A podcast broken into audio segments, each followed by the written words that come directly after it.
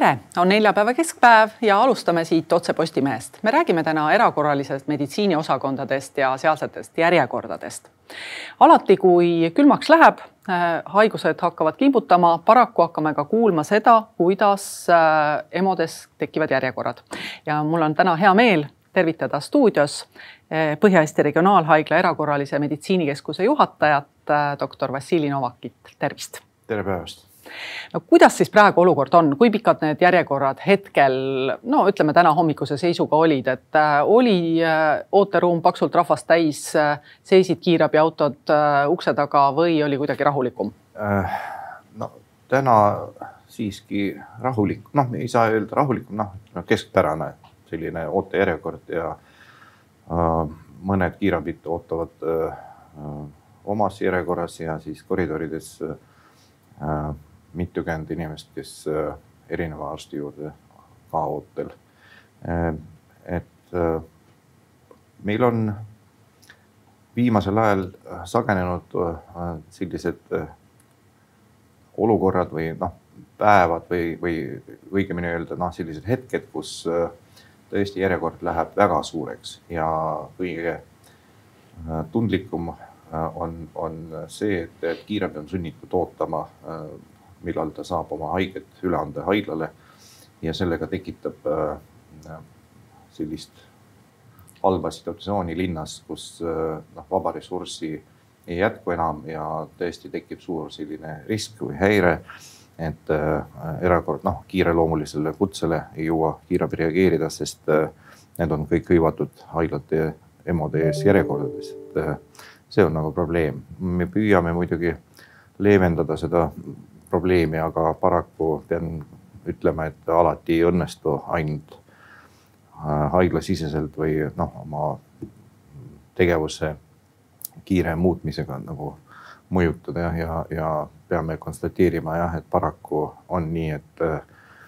et peab ootama, millal siis lõpuks see järjekord hakkab lahenema ja, ja siis äh, tekib haigete noh, liikumine EMO-st edasi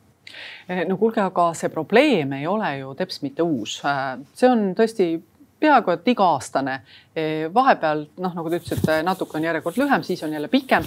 samas töötavad meil tervishoius väga targad inimesed. huvitav, miks nad ei suuda siis seda probleemi ära lahendada, et, et tõesti just see, see raskem osa, see, kus kiirabiautod seisavad järjekorras, et nad seal seisma ei peaks äh,?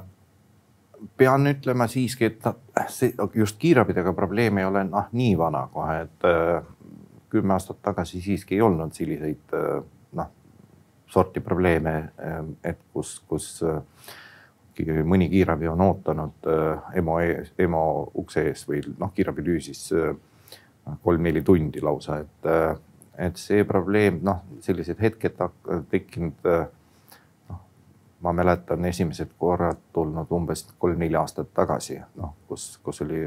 ja, ja vaidlemata järjekorrad ikkagi noh, tekkinud aeg-ajalt, aga need suht kiiresti lahenenud. sest noh, juhuse mõju ehk siis lihtsalt, kui korraga tulevad, ütleme neli-viis autot või neli-viis kiirabit või maakonnast juurde veel, et noh, selge see, et viimane natukene ootab, on ju, aga sellist olukorda, kus me ei suuda äh, võtta patsiendi, raami patsiendi äh, EMO-sse, sest noh, lihtsalt EMO on äh, kõik voodikohad hõivatud täis, noh, noh, me, ei saa lamavad inimest noh istuma panna või kuskile põrandale, et loomulikult on, on sunnitud ootama siis kiirabiautos raamil,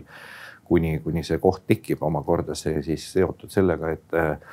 me ei suuda EMO-t tühjendada kiiresti, ehk siis äh, aktiivraviosakonnad ka voodid täidetud või hõivatud. Äh, nema, nemad omakorda ootavad äh, äh, ravi lõpetanud patsiendi noh saatmist kas noh edasi järelravisse või, või koju või veel kuskilt niimoodi ja. ja arstid peavad nagu jõudma neid välja kirjutada ja kõik on noh, pluss selleks, et käib polikliiniline töö kirurgid operatsioonil, valvekirurgid ja, ja, ja kogu see äh, tegevus äh, on, ongi selline, et kus äh, noh, tekib viivitus, noh ei suudeta nii kiiresti nagu ütleme viis, kümme aastat tagasi noh, patsiendid liigutada, ehk siis need teekonnad pikenevad ja, ja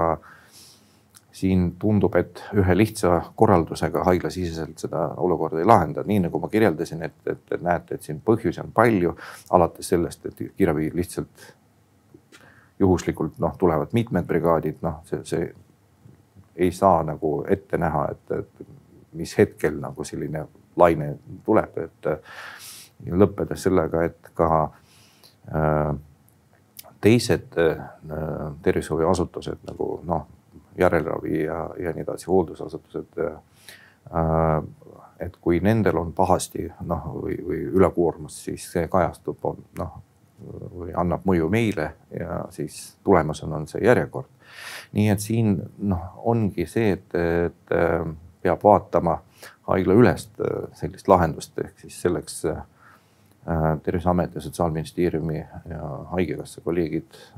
kiirabi esindajad loomulikult koos haigla juhtidega ähm, käinudki koos ja arutanud ja mõelnud ja jõudnud okay. järeldusele, et, et, et, et tuleb äh, veel täpsemalt nagu uurida noh, need äh, parameetrid või, või need ajad või, või need liikumised, teekonnad, noh, mitu, mitu siis konkreetsemalt äh, patsienti ootamas ja, ja kus täpsemalt ja kui kaua aega see, see nii-öelda pudelikael kus kohas äh, esineb, et äh, selleks ma arvan, äh, Terviseametil hea võimalus noh, alustadagi seda järelevalvemenetlused. et mitte selles, et otsida süüdlast on ju, aga, aga just nagu täpsemalt vaadata nendele numbritele otsa, et, et aga teate, öelge ausalt, kas äh, inimesed peaksid muretsema seal kiirabiautodes, äh, kuidas on nüüd ikkagi tagatud see, et äh, kui patsient on seal kolm-neli tundi kiirabiautos või ka pool tundi kiirabiautos, et see ei ole tema elule ohtlik?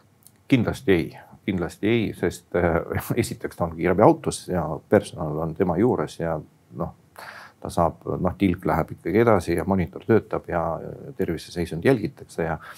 ja kehtib siin reegel, et äh, igas äh, EMO-s, äh, noh, meil Tallinnas on kolm suurt EMO-t, alati olemas selline nii-öelda intensiivravi palad või saal või noh, rahvakeeles võib nimetada reanimatsioonisaaliks, et kus töötavad noh, mitte üks valvearst, aga sinna tuleb terve meeskond selleks, et teenindada kriitilises seisundis haiget. noh, näiteks kui on polütrauma, raske polütrauma haige tuleb PERH-i, et noh, esiteks kiirabi peab alarmeerima haiglat, et siis koguneb sinna meeskond, noh, sinna kuuluvad kuskilt kolmteist inimest, et noh, kes hakkavad tööle ja selleks alati see koht olemas, noh, ta on nii-öelda reserveeritud. täpselt sama see, see näiteks südamelihase infarkt, ägeda infarktiga haige, elustatud haige, trombolüüsiaknas äh, insuldihaige, kes vajab noh viivitamatut sekkumist on ju. Need haiged ei, ei oota mitte kuidagi järjekorras, need kohe otseselt kiirabi alarmeerib meid, noh teavitab, et, et sellise patsiendiga tulevad ja siis me oleme valmis kohe vastu võtta. ja, ja selleks ongi alati reserveeritud noh, üks või te, paar kohta noh, just sihukeste haigete jaoks, kelle elu otseselt noh, sõltub sellest, kui kiiresti me alustame. kui palju teie praktikas on olnud selliseid patsiente ühe korraga haiglas seal siis, kes vajavad elustamist, kes vajavad kohe tegutsemist, noh, ütleme üks insuldihaige, üks infarktihaige, võib-olla paar traumahaiget, kui palju neid on? ja, ja no on küll sellised situatsioonid olnud, aga siis me kiiresti jaotame ümber noh, valvemeeskonna tööülesanded ja, ja siis selleks ongi triaažisüsteem ehk siis prioritiseerimise ehk siis noh, kiirvalik, niinimetatud meditsiiniline kiirvalik mis ütleb, et milline haige on siis kõige kõrgema prioriteediga, nii et, et kõik jäävad ülejäänud äh, ootele ja siis äh, alustame ikkagi nendest nii-öelda punastest haigetest ehk siis nagu kõrgema prioriteediga, kelle äh, seisund on kriitiline ja viivitust ei ole siin noh kui, võimalik. selge, kui äh, sageli on nüüd selline olukord, et et tegelikult võib-olla kusagil teises haiglas on olemas isegi vabu kohti, järjekorrad on väiksemad. et kui palju te teete omavahel koostööd? just, ja et teeme tõesti praktiliselt igapäevaselt, aga kahjuks pean nentima, et, et kui selline paha hetk tekib, on ju, kus kiirabi tõesti noh, noh mingi laine tuleb, kus on palju korraga noh, hospitaliseeritakse, siis tavaliselt ongi kõikides kolmes haiglas korraga see järjekord ühel või teisel määral tekib ja siis ähm, Tallinna kiirabil on tööl selline äh, Äh, üksus nagu välijuht, kes, kes jälgib noh, nii-öelda äh, kiirabi head toimimist ja, ja, ja kui, kui mingisugune takistus tekib, siis ta kiiresti reageerib ja püüab kõrvaldada. ja tema initsieeribki sellist äh, suhtlust, ehk siis äh, meie valve vastutavad arstid siis äh, saavad ühenduse ja siis arutavad, et ja loomulikult, kui on ühes haiglas noh, järjekord kas puudu või noh, minimaalne on ju, siis meil on mingi kümme autot järjekorras, siis, siis arutame ja võib-olla paar-kolm autot äh, saadame üle, kuigi meil kehtib selline geograafiline printsiip, ehk siis iga haiglal on oma vastutuspiirkond, kust nad võtavad oma äh, haiged, noh, kes saabuvad kiirabiga äh, noh, mitte tekitada sellist ebaprofessionaalset ülekoormust ja, ja siis, kui ühes tsoonis ja tõesti tekib selline, selline olukord ja, ja on küll võimalik ja igapäevaselt teeme koostööd, noh, jaotame, püüame jaotada. mitte alati muidugi õnnestub, sest noh, kui on sealt saab täpselt sama seitse, kaheksa kiirabi järjekorras, noh siis me ei saada ja püüame kiiresti toimetada igaüks oma EMO-s nii-öelda, aga, aga kui on võimalus, loomulikult. kui ähm palju olete te kokku puutunud sellega, et nüüd, kui järjekorras kiirabiautod seisavad, see tähendab, et nad ju ei teeninda neid inimesi, kes kodus ootavad kiirabi ja vajavad võib-olla haiglasse toomist. et, et patsient on pidanud nüüd liiga kaua ootama ja, ja jõuab liiga hilja, sellepärast et kiirabiautod seisavad haigla ukse taga ega jõua patsiendi juurde, et teda haiglasse tuua. kas selliseid olukordi oskate meenutada? Oleks pidanud jõudma kiiremini. ja äh, nagu meditsiinis üleüldse on ju, et äh, ära kunagi ütle sada protsenti või, või mustvalge kunagi elu ei ole, et alati võib leida sellist äh, juhtumit, kus äh, just oligi vastupidi, on ju, noh, et ma arvan, üheksakümmend üheksa koma üheksakümmend üheksa protsendi noh, tõenäosusega noh, sellist äh, sellist äh, probleemi meil ei ole, kui, kuigi jah, võib-olla leitakse üks või teine, kus tõesti patsient pöördus üks, üks, kaks või noh, helistati üks, kaks on ju ja, ja siis kiirabi hõivatused noh, teiste brigaad noh või brigaadide hõivatuste tõttu noh ei reageerinud koheselt ja reageeris, ütleme noh, teatud viivitusega. ma ei mõtle, ma ei mõtle siin avarii või, või ütleme elustamist või kõrgelt kukkumised, kus noh ükskõik, on ju, läheb esimene vaba operatiivüksus abi osutama, aga ütleme haige inimene, kes pöördus sellega, et ta noh, valutab midagi ja nii edasi ja siis ähm, madalama, noh, ütleme Charlie, noh, meil on neli prioriteeti, Delta, Charlie, Bravo, Alfa ju, et, et ütleme Charlie prioriteediga kiirabi noh, saadeti välja, okei okay,, tekkis viivitus ja nüüd avastati, et seal oli seisund, mis oleks vajanud nagu väga kiiret menetlust, et ma arvan, jah, sellised juhtumid tõesti olnud, aga, aga noh, õnneks ma, ma pean ütlema, et kui, siis need on hästi üksikud ja noh, niimoodi kohe ei meenu, et. mulle meenub jälle üks äh, Raul Adlase jutt, äh, kes ütles, et äh, kuna tema kiirabiautod kõik seisid haiglate uste taga Tallinnas, siis tuli saata välja Keilast brigaad, et tõepoolest küll saadetakse kohe välja, aga see, millal ta inimese juurde jõuab, võtab ikkagi kauem aega, kui see tuleks Tallinnasse kiirabi ekipaaž. ja see töö, sellist tööd teostab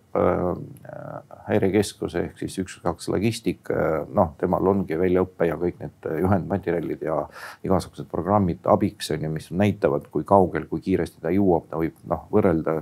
ja sisuliselt see programm noh, ma ei ole hästi kursis sellega, ma tean, et äh, noh, sellised asjad olemas, äh, mis aitab tal otsustada, kuidas ta teeb, et noh, ja kui selgub, et see Keila brigaad jäänud kinni kuskilt noh piiri peal, noh linna piiri peal ja siis ta võib ja teine brigaad vabanes, on ju, siis ta kohe nii-öelda delegeerib edasi seda kutset, vahetab välja ja, ja noh, nii, nii see käib, see on online kogu aeg, on ju, et eh, ikkagi tema tööülesanne tagada seda, et, et maksimaalselt eh, kiiresti jõuaks brigaad kohale, et eh, ja kasutatakse absoluutselt kõik võimalused selleks, et. Kuidas te Äh, keskuse juhina üldse oma töötajaid motiveerite, sest siin hiljuti just äh, rääkis Tartu Ülikooli erakorralise meditsiini õppejõud äh, Triinu Keskpaik, et, et arstid ei taha teha sellist lihtsat tööd, nemad tahaksid raskeid seisundeid ravida. no midagi ei ole teha, kõik inimesed ei saa infarkti kõik ei saa insulti, mõnedel on ka lihtsamad haigused. kuidas seda vastuolu te siis oma töötajatele seletate, et, vaadake, meil on arstivanne ja, ja, ja tegelikult riigil on kohustus igasugu terviseseisundeid ravida ja, ja pole midagi, tööd tuleb teha. kuidas? jah et kas, kas ikkagi inimesed on motiveeritud või, või nii läheb tõesti nii nagu, nagu ütles ka siis õppejõud, et umbes pooled EMO residentuuri tulijatest tegelikult lõpuks ei lõpeta, osad kohad ei saa täis. noh, tähendab siis kohti on näiteks kümme, aga lõpetab viis, sellepärast et osad kohad ei saa täis ja teised lõpetavad enne õppimise või lähevad teise residentuuri üle Äh, see oli statistika, äh, mida ah., mida toodi välja. et, et, et kuidas siis ikkagi silm särama panna nüüd nendel EMO arstidel? keeruline küsimus tõesti, et äh, pean ütlema, et ainult palk tõesti ei motiveeri ja noh äh,, kui, kui eesmärk teenida on ju, siis jah, pigem siis selline tohter peaks vaatama meie põhjanaabrite suunas, et äh, võin tuua näiteks, et äh, seal läbirääkimised algavad numbrist üheksakümmend viis euri tundi ja nii edasi, nii et noh, me, me ei suuda siin konkureerida kuidagi, nii et. Äh, aga elukallidus on ka natuke teine, kinnisvara on teist no,, teistsugune no, lõppu, maksukoormus. lõppude lõpuks äh, siiski jah, seal ka töökoormus on päris suur, aga, aga noh, see kokkuvõttes äh, ma arvan, ta poole võrra suurem sissetulek, noh lõppude lõpuks on ju, et äh, noh arstil. aga noh, mis on motivaator? kui on äh, loodud hea noh töökeskkond on ju, et, et arstil on mugav töötada selles, kui on kõik võimalused antud selleks, et oma tööülesandeid teostada. kui kollektiiv hea on ju, kui on meil sotsialiseerumine noh olemas ja, ja äh, kui on hea juht on ju, kui, kui mis veel mm. abitööjõudu no, peab ilmselt ka olema piisavalt, et kuidas teil õdedega näiteks on? no õdede os-, seas ma ütleks, et erakorraline meditsiin, no minu hinnangul suht populaarne. nii et äh, ma ei saa hetkel öelda, et meil on tohutu kriis ja loomulikult äh, noh, me püüame saavutada seda olukorda, kus oleks kõik ametikohad täidetud ja ma, ma arvan, me oleme kuskil ligilähedal. meil on ka kandidaadid, soovijad olemas, jah, küll äh, nõutakse teatud äh, ettevalmistus ja noh, teatud kraad selleks, et alustada. Et päris niimoodi noh, puhta lehena ei saa tulla, noh eriti nendesse tsoonidesse, kus on nagu akuutne noh haige. Äh, aga, aga jah, vähemalt siin osas tundub, et äh, meil veab ja, aga arstide osas veel kord, kui noh motivatsioonist rääkida, siis, äh, siis mina ütleks nii, et äh, kunagi Ameerikas ka tehti uuring, miks inimesed lähevad äh, erakorralisse meditsiini. ja sealt näidati palgaastmestikku äh,, kõige kõrgemad olid vot sellised, ma ei ütle, mis tohtrid on ja kõige madalama palgaga olid sellised jah, seal noh teatud äh, käärid olemas ja erakorralise meditsiini arstid olid noh, pigem kuskil keskel. siis äh, lõpuks kõige populaarsem vastus just erakorralise meditsiini arstide äh, poolt oli see, et see on lifestyle. ehk see on siis noh, elustiil, siis, siis ta saab tõenäoliselt rahuldust noh teatud adrenaliin tuleb verre ja. no ja ma ei tahtnud sõna öelda adrenaliin, aga, aga,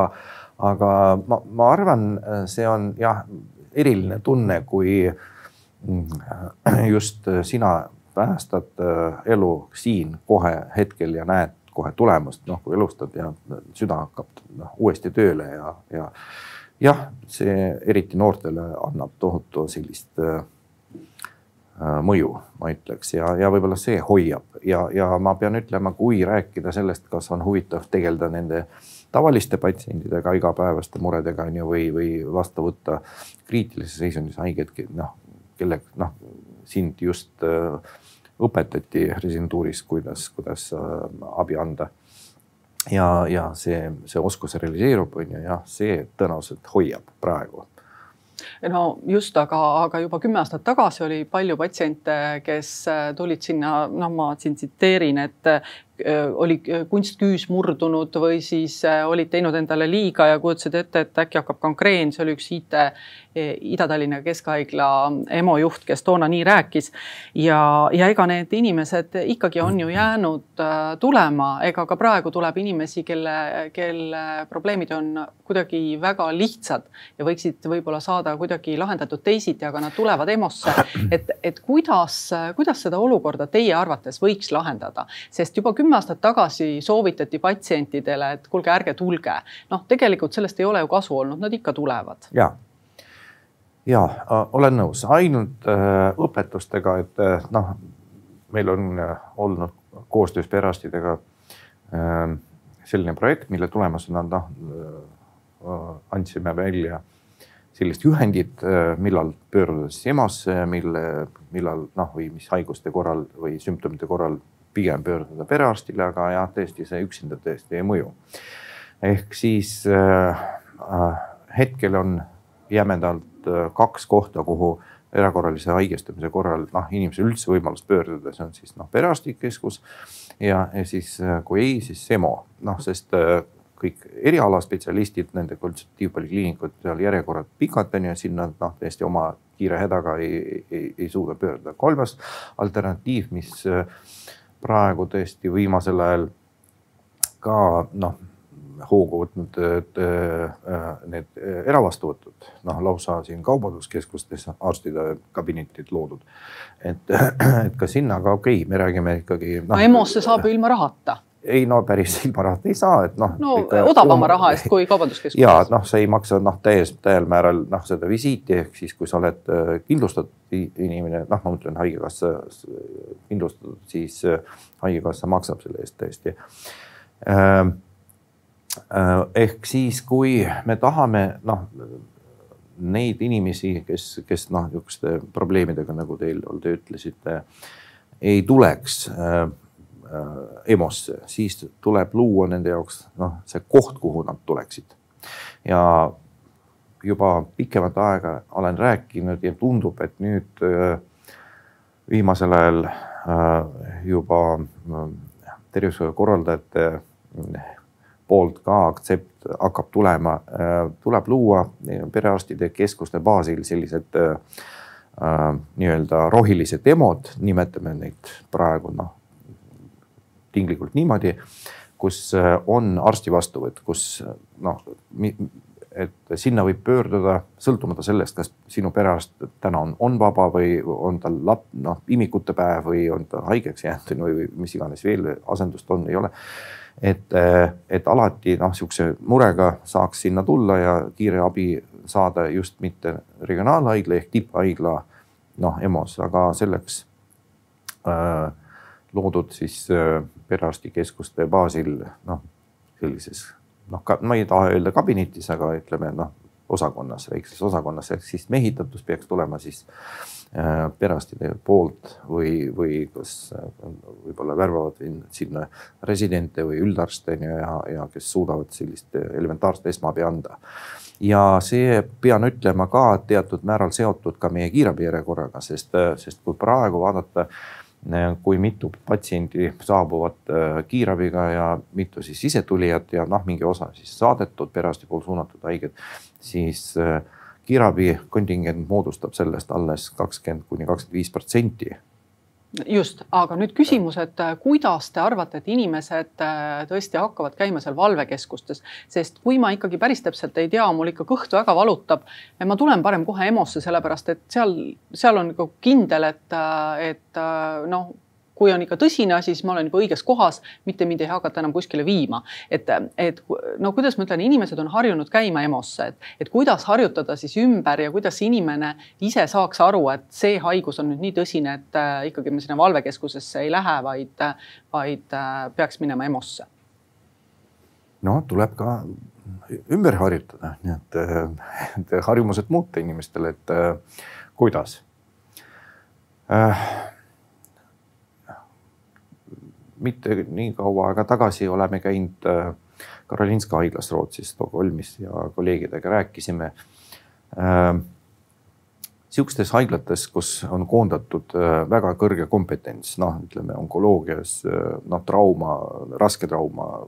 käsitluse, käsitluseks, ortopeedia, kirurgia, noh, sellised vaskulaarkirurgia, neurokirurgia ja nii edasi, et sealt ei oodata ja täpselt sama noh, kui Stockholmis sa tuled sinna Karolinisse, on küll teoreetiliselt võimalik otse pöörduda, on ju, et noh, aga keelatud ei ole, on ju, siis äh, seda inimest ja sellele inimesele selle kõhuvaluga võimaliku apendiksiga suunatakse ikkagi linnahaiglasse on ju või, või noh madalama profiiliga haiglasse, et nemad ei võta, sest. et lüüakse lihtsalt et, uks nina ees kinni, öeldakse, et mine. ei, ei, antakse soovitus ja kui see seisund ei võimalda, siis kutsutakse talle transport või kiirabi ja siis delegeeritakse edasi, on ju.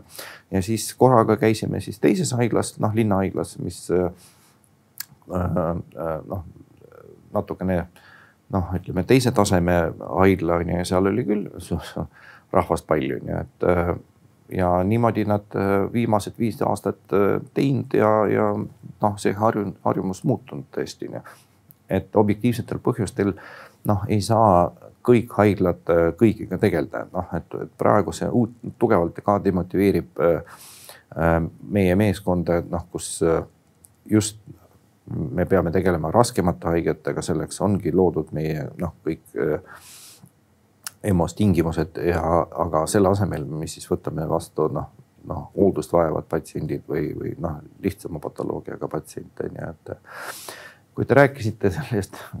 küünest on ju või, või. jah, kunstküüne ja no või, või no ütleme, puuk näiteks no,, mis tuleb jah, välja tõmmata, no nagu need on siuksed valve. ekstreemne, aga, aga üldiselt jah, ma pean ütlema ega inimene ei tulnud, ei tulnud noh, siukse noh probleemiga mitte seepärast, et ta ei mõistnud, on ju, et äh, noh, et see on vale noh, koht tegelikult, aga, aga seepärast, et ta ei leidnud mujal abi, noh, tal ei olnud võimalust leida, on ju. Tõesti, nendest väga üks noh,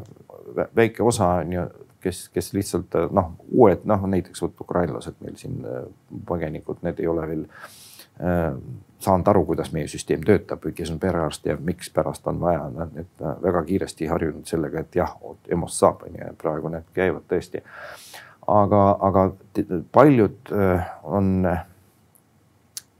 jäänud hätta lihtsalt. noh, ta tuleb oma sõrmega, mis on nagu tõesti paar kuud probleemne, aga ta ei, ta ei saanud mitte kuskilt äh, tema arvates abi on ju ja, ja ei leiagi seda õiget kohta ja siis viimases lootuses pöördub meie poole, on ju. et äh, loomulikult me ei oota ka sellist haiget, on ju, mina siin paneks kätt südamele perearstidele, kes äh, peavad nagu just noh äh, oma põhirolli täita, nii ja siis leida, noh aktiveerida, noh suunata noh õiged äh, spetsialistid või olgu see siis äh, isegi õde on ju noh meil on igasugused äh, õed-konsultandid ka olemas, on ju, noh kitsama eriala eriarstid. Äh, ja siis broneerida aeg, aidata inimest leida see õige koht, kus ta seda abi saab, on ju, mitte lasta tal EMO-sse jalutada. no Need äh, mõtted, mida te siin välja tõite, neid on tõesti ju räägitud juba aastaid Aasta, ja huvitaval kombel nad ei ole realiseerunud. noh, siin hiljuti just äh, Terviseameti ametnik Ragnar Vaiknemets ütles, et äh, te olete käinud koos neli aastat. kas teid on ka kutsutud nendele ümarlaudadele, kus arutatakse neid asju? no just ja, ja nüüd vähe sellest, et neli aastat arutati, nüüd hakati järelevalvemenetlust pidama, et miks kõik need asjad nii kaua aega võtavad, ometigi inimesed igapäevaselt töötavad, neil on lahendused olemas, pole mitte midagi lihtsamat, kui võtta kätte, hakata pihta. tervi-, haigekassa ütleb ka, et ta kaks tuhat kakskümmend neli tegeleb tema kiirabi probleemiga, kuigi äh, tal on aega olnud näiteks küll Tervisekassa nime probleemiga tegeleda. et kuidagimoodi nagu justkui tehakse selliseid asendustegevusi, aga lahendusi ei tule, et mis teie diagnoos on, miks see nii on? kas inimesed ei julge? no rumalad nad ju ei ole. Ja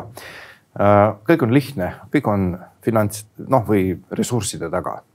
ütleme, et äh, et selleks, et midagi planeerida, ükskõik, mida me siin ei, ei mõtleks, on ju, kui me ei lisa mingisugust ressurssi, on ju, siis midagi ei muutu, on ju. see on üks kindel asi ja praegu isegi kui leitakse noh, täiendav ressurss tervishoidu, et just või erakorralise meditsiinisektorisse on ju, siis noh, meil praegu probleemiks kujunes välja ka mm, tööjõuressursi probleem et äh, see hakkab nagu väga ägedalt lööma. Äh, jah, see pidurdab protsessi jah, et isegi kui me mõtleme või, või teeme pilootprojektini või, või, või tekitame siin noh, lisavastuvõtud ja nii edasi ja isegi kui tervise, haigekassa leiab äh, teatud vahendid selleks, siis järgmine küsimus, kes sinna tööle tulevad, et siis jällegi nagu äh, valvekeskustes on seesama probleem ju, kes sinna tööle tulevad. et aga kui nüüd raha ei leita, mis siis, et siis laseme samamoodi edasi. no ükskord tuleb tunnistada, et siis äh, me ei suuda need standardid üleval hoida ja siis need standardid tuleb madaldada, et äh, midagi teha ei ole, et. aga tundub, et nad tuleb juba praegu madaldada, sellepärast et tõepoolest näiteks kiirabi no, ei suuda see, sõita välja nende minutitega no,. teatud lävest allapoole me ei, ei tohi minna, noh see on üks kindel ja olgu, mis on, aga, aga need peavad olema tagatud, see on selge. aga just äh, muus osas, noh, kus on natukene mugavusteenus, noh, paistab, et, et seal tõesti peame ütlema, et nii enam ei saa ja, ja ongi viis-kuus tundi ootejärjekord EMO-s noh, see on reaalsus ja, ja praegu lihtsalt noh, ressursid puuduvad selleks ja, ja ei näe ka tervishoiukorraldajat, noh, kust, kust see tuleb, et, et, et ma pööran tähelepanu sellele, et eh, ega soomlased ei kutsunud eestlasi noh tööle enda juurde mitte väga suurest armastusest, on ju, et täpselt sama, neil oli noh, tohutu kriis, nemad lahendasid seda asja niimoodi. kas ukrainlased äh, peaks siin? Mina arvan küll, see, see on, see on väga jah, jah, ma saan aru, jah, kvali-, noh, kompetents on ju noh, diplomid, noh Äh, need tunnistused ja kõik, äh, kõik, äh, kuidas, kuidas need noh legaliseerida ja, ja, ja tunnistada teda noh ähm, anda talle see registratsioon ja õigus töötada Eesti tervishoiuasutustesse on ju, aga peab pingutama siis. Teie olete nõus neid aitama järele? no mina lihtsalt ei näe muud noh lahendust praegu. Tundub, et see on, see on ainuke võimalus, kui me räägime noh tööjõuressursist on ju, et äh, kui on meil kakskümmend kolm tuhat või palju meil põgenikke on, on ju, no nende seas küll leidub paarsada medõdesid on ju, kes on omal noh, oma kodus noh töötanud õena. noh, teeme siis riikliku programmi, anname neil noh täiendkoolituse on ju, noh õpivad keelt ja alustavad on ju, et ja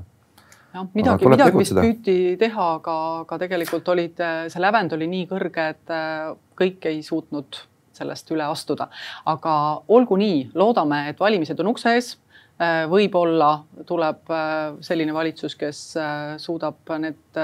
julgelt need sammud ka ellu viia, mida te olete plaaninud juba viis või rohkem aastat ja, ja inimesed EMO-s saavad kiiremini abi. suur aitäh tulemast, doktor Vassili Novak Põhja-Eesti Regionaalhaiglast. aitäh Äh, täname ka kõiki kuulajaid-vaatajaid ja kena päeva jätku. thank you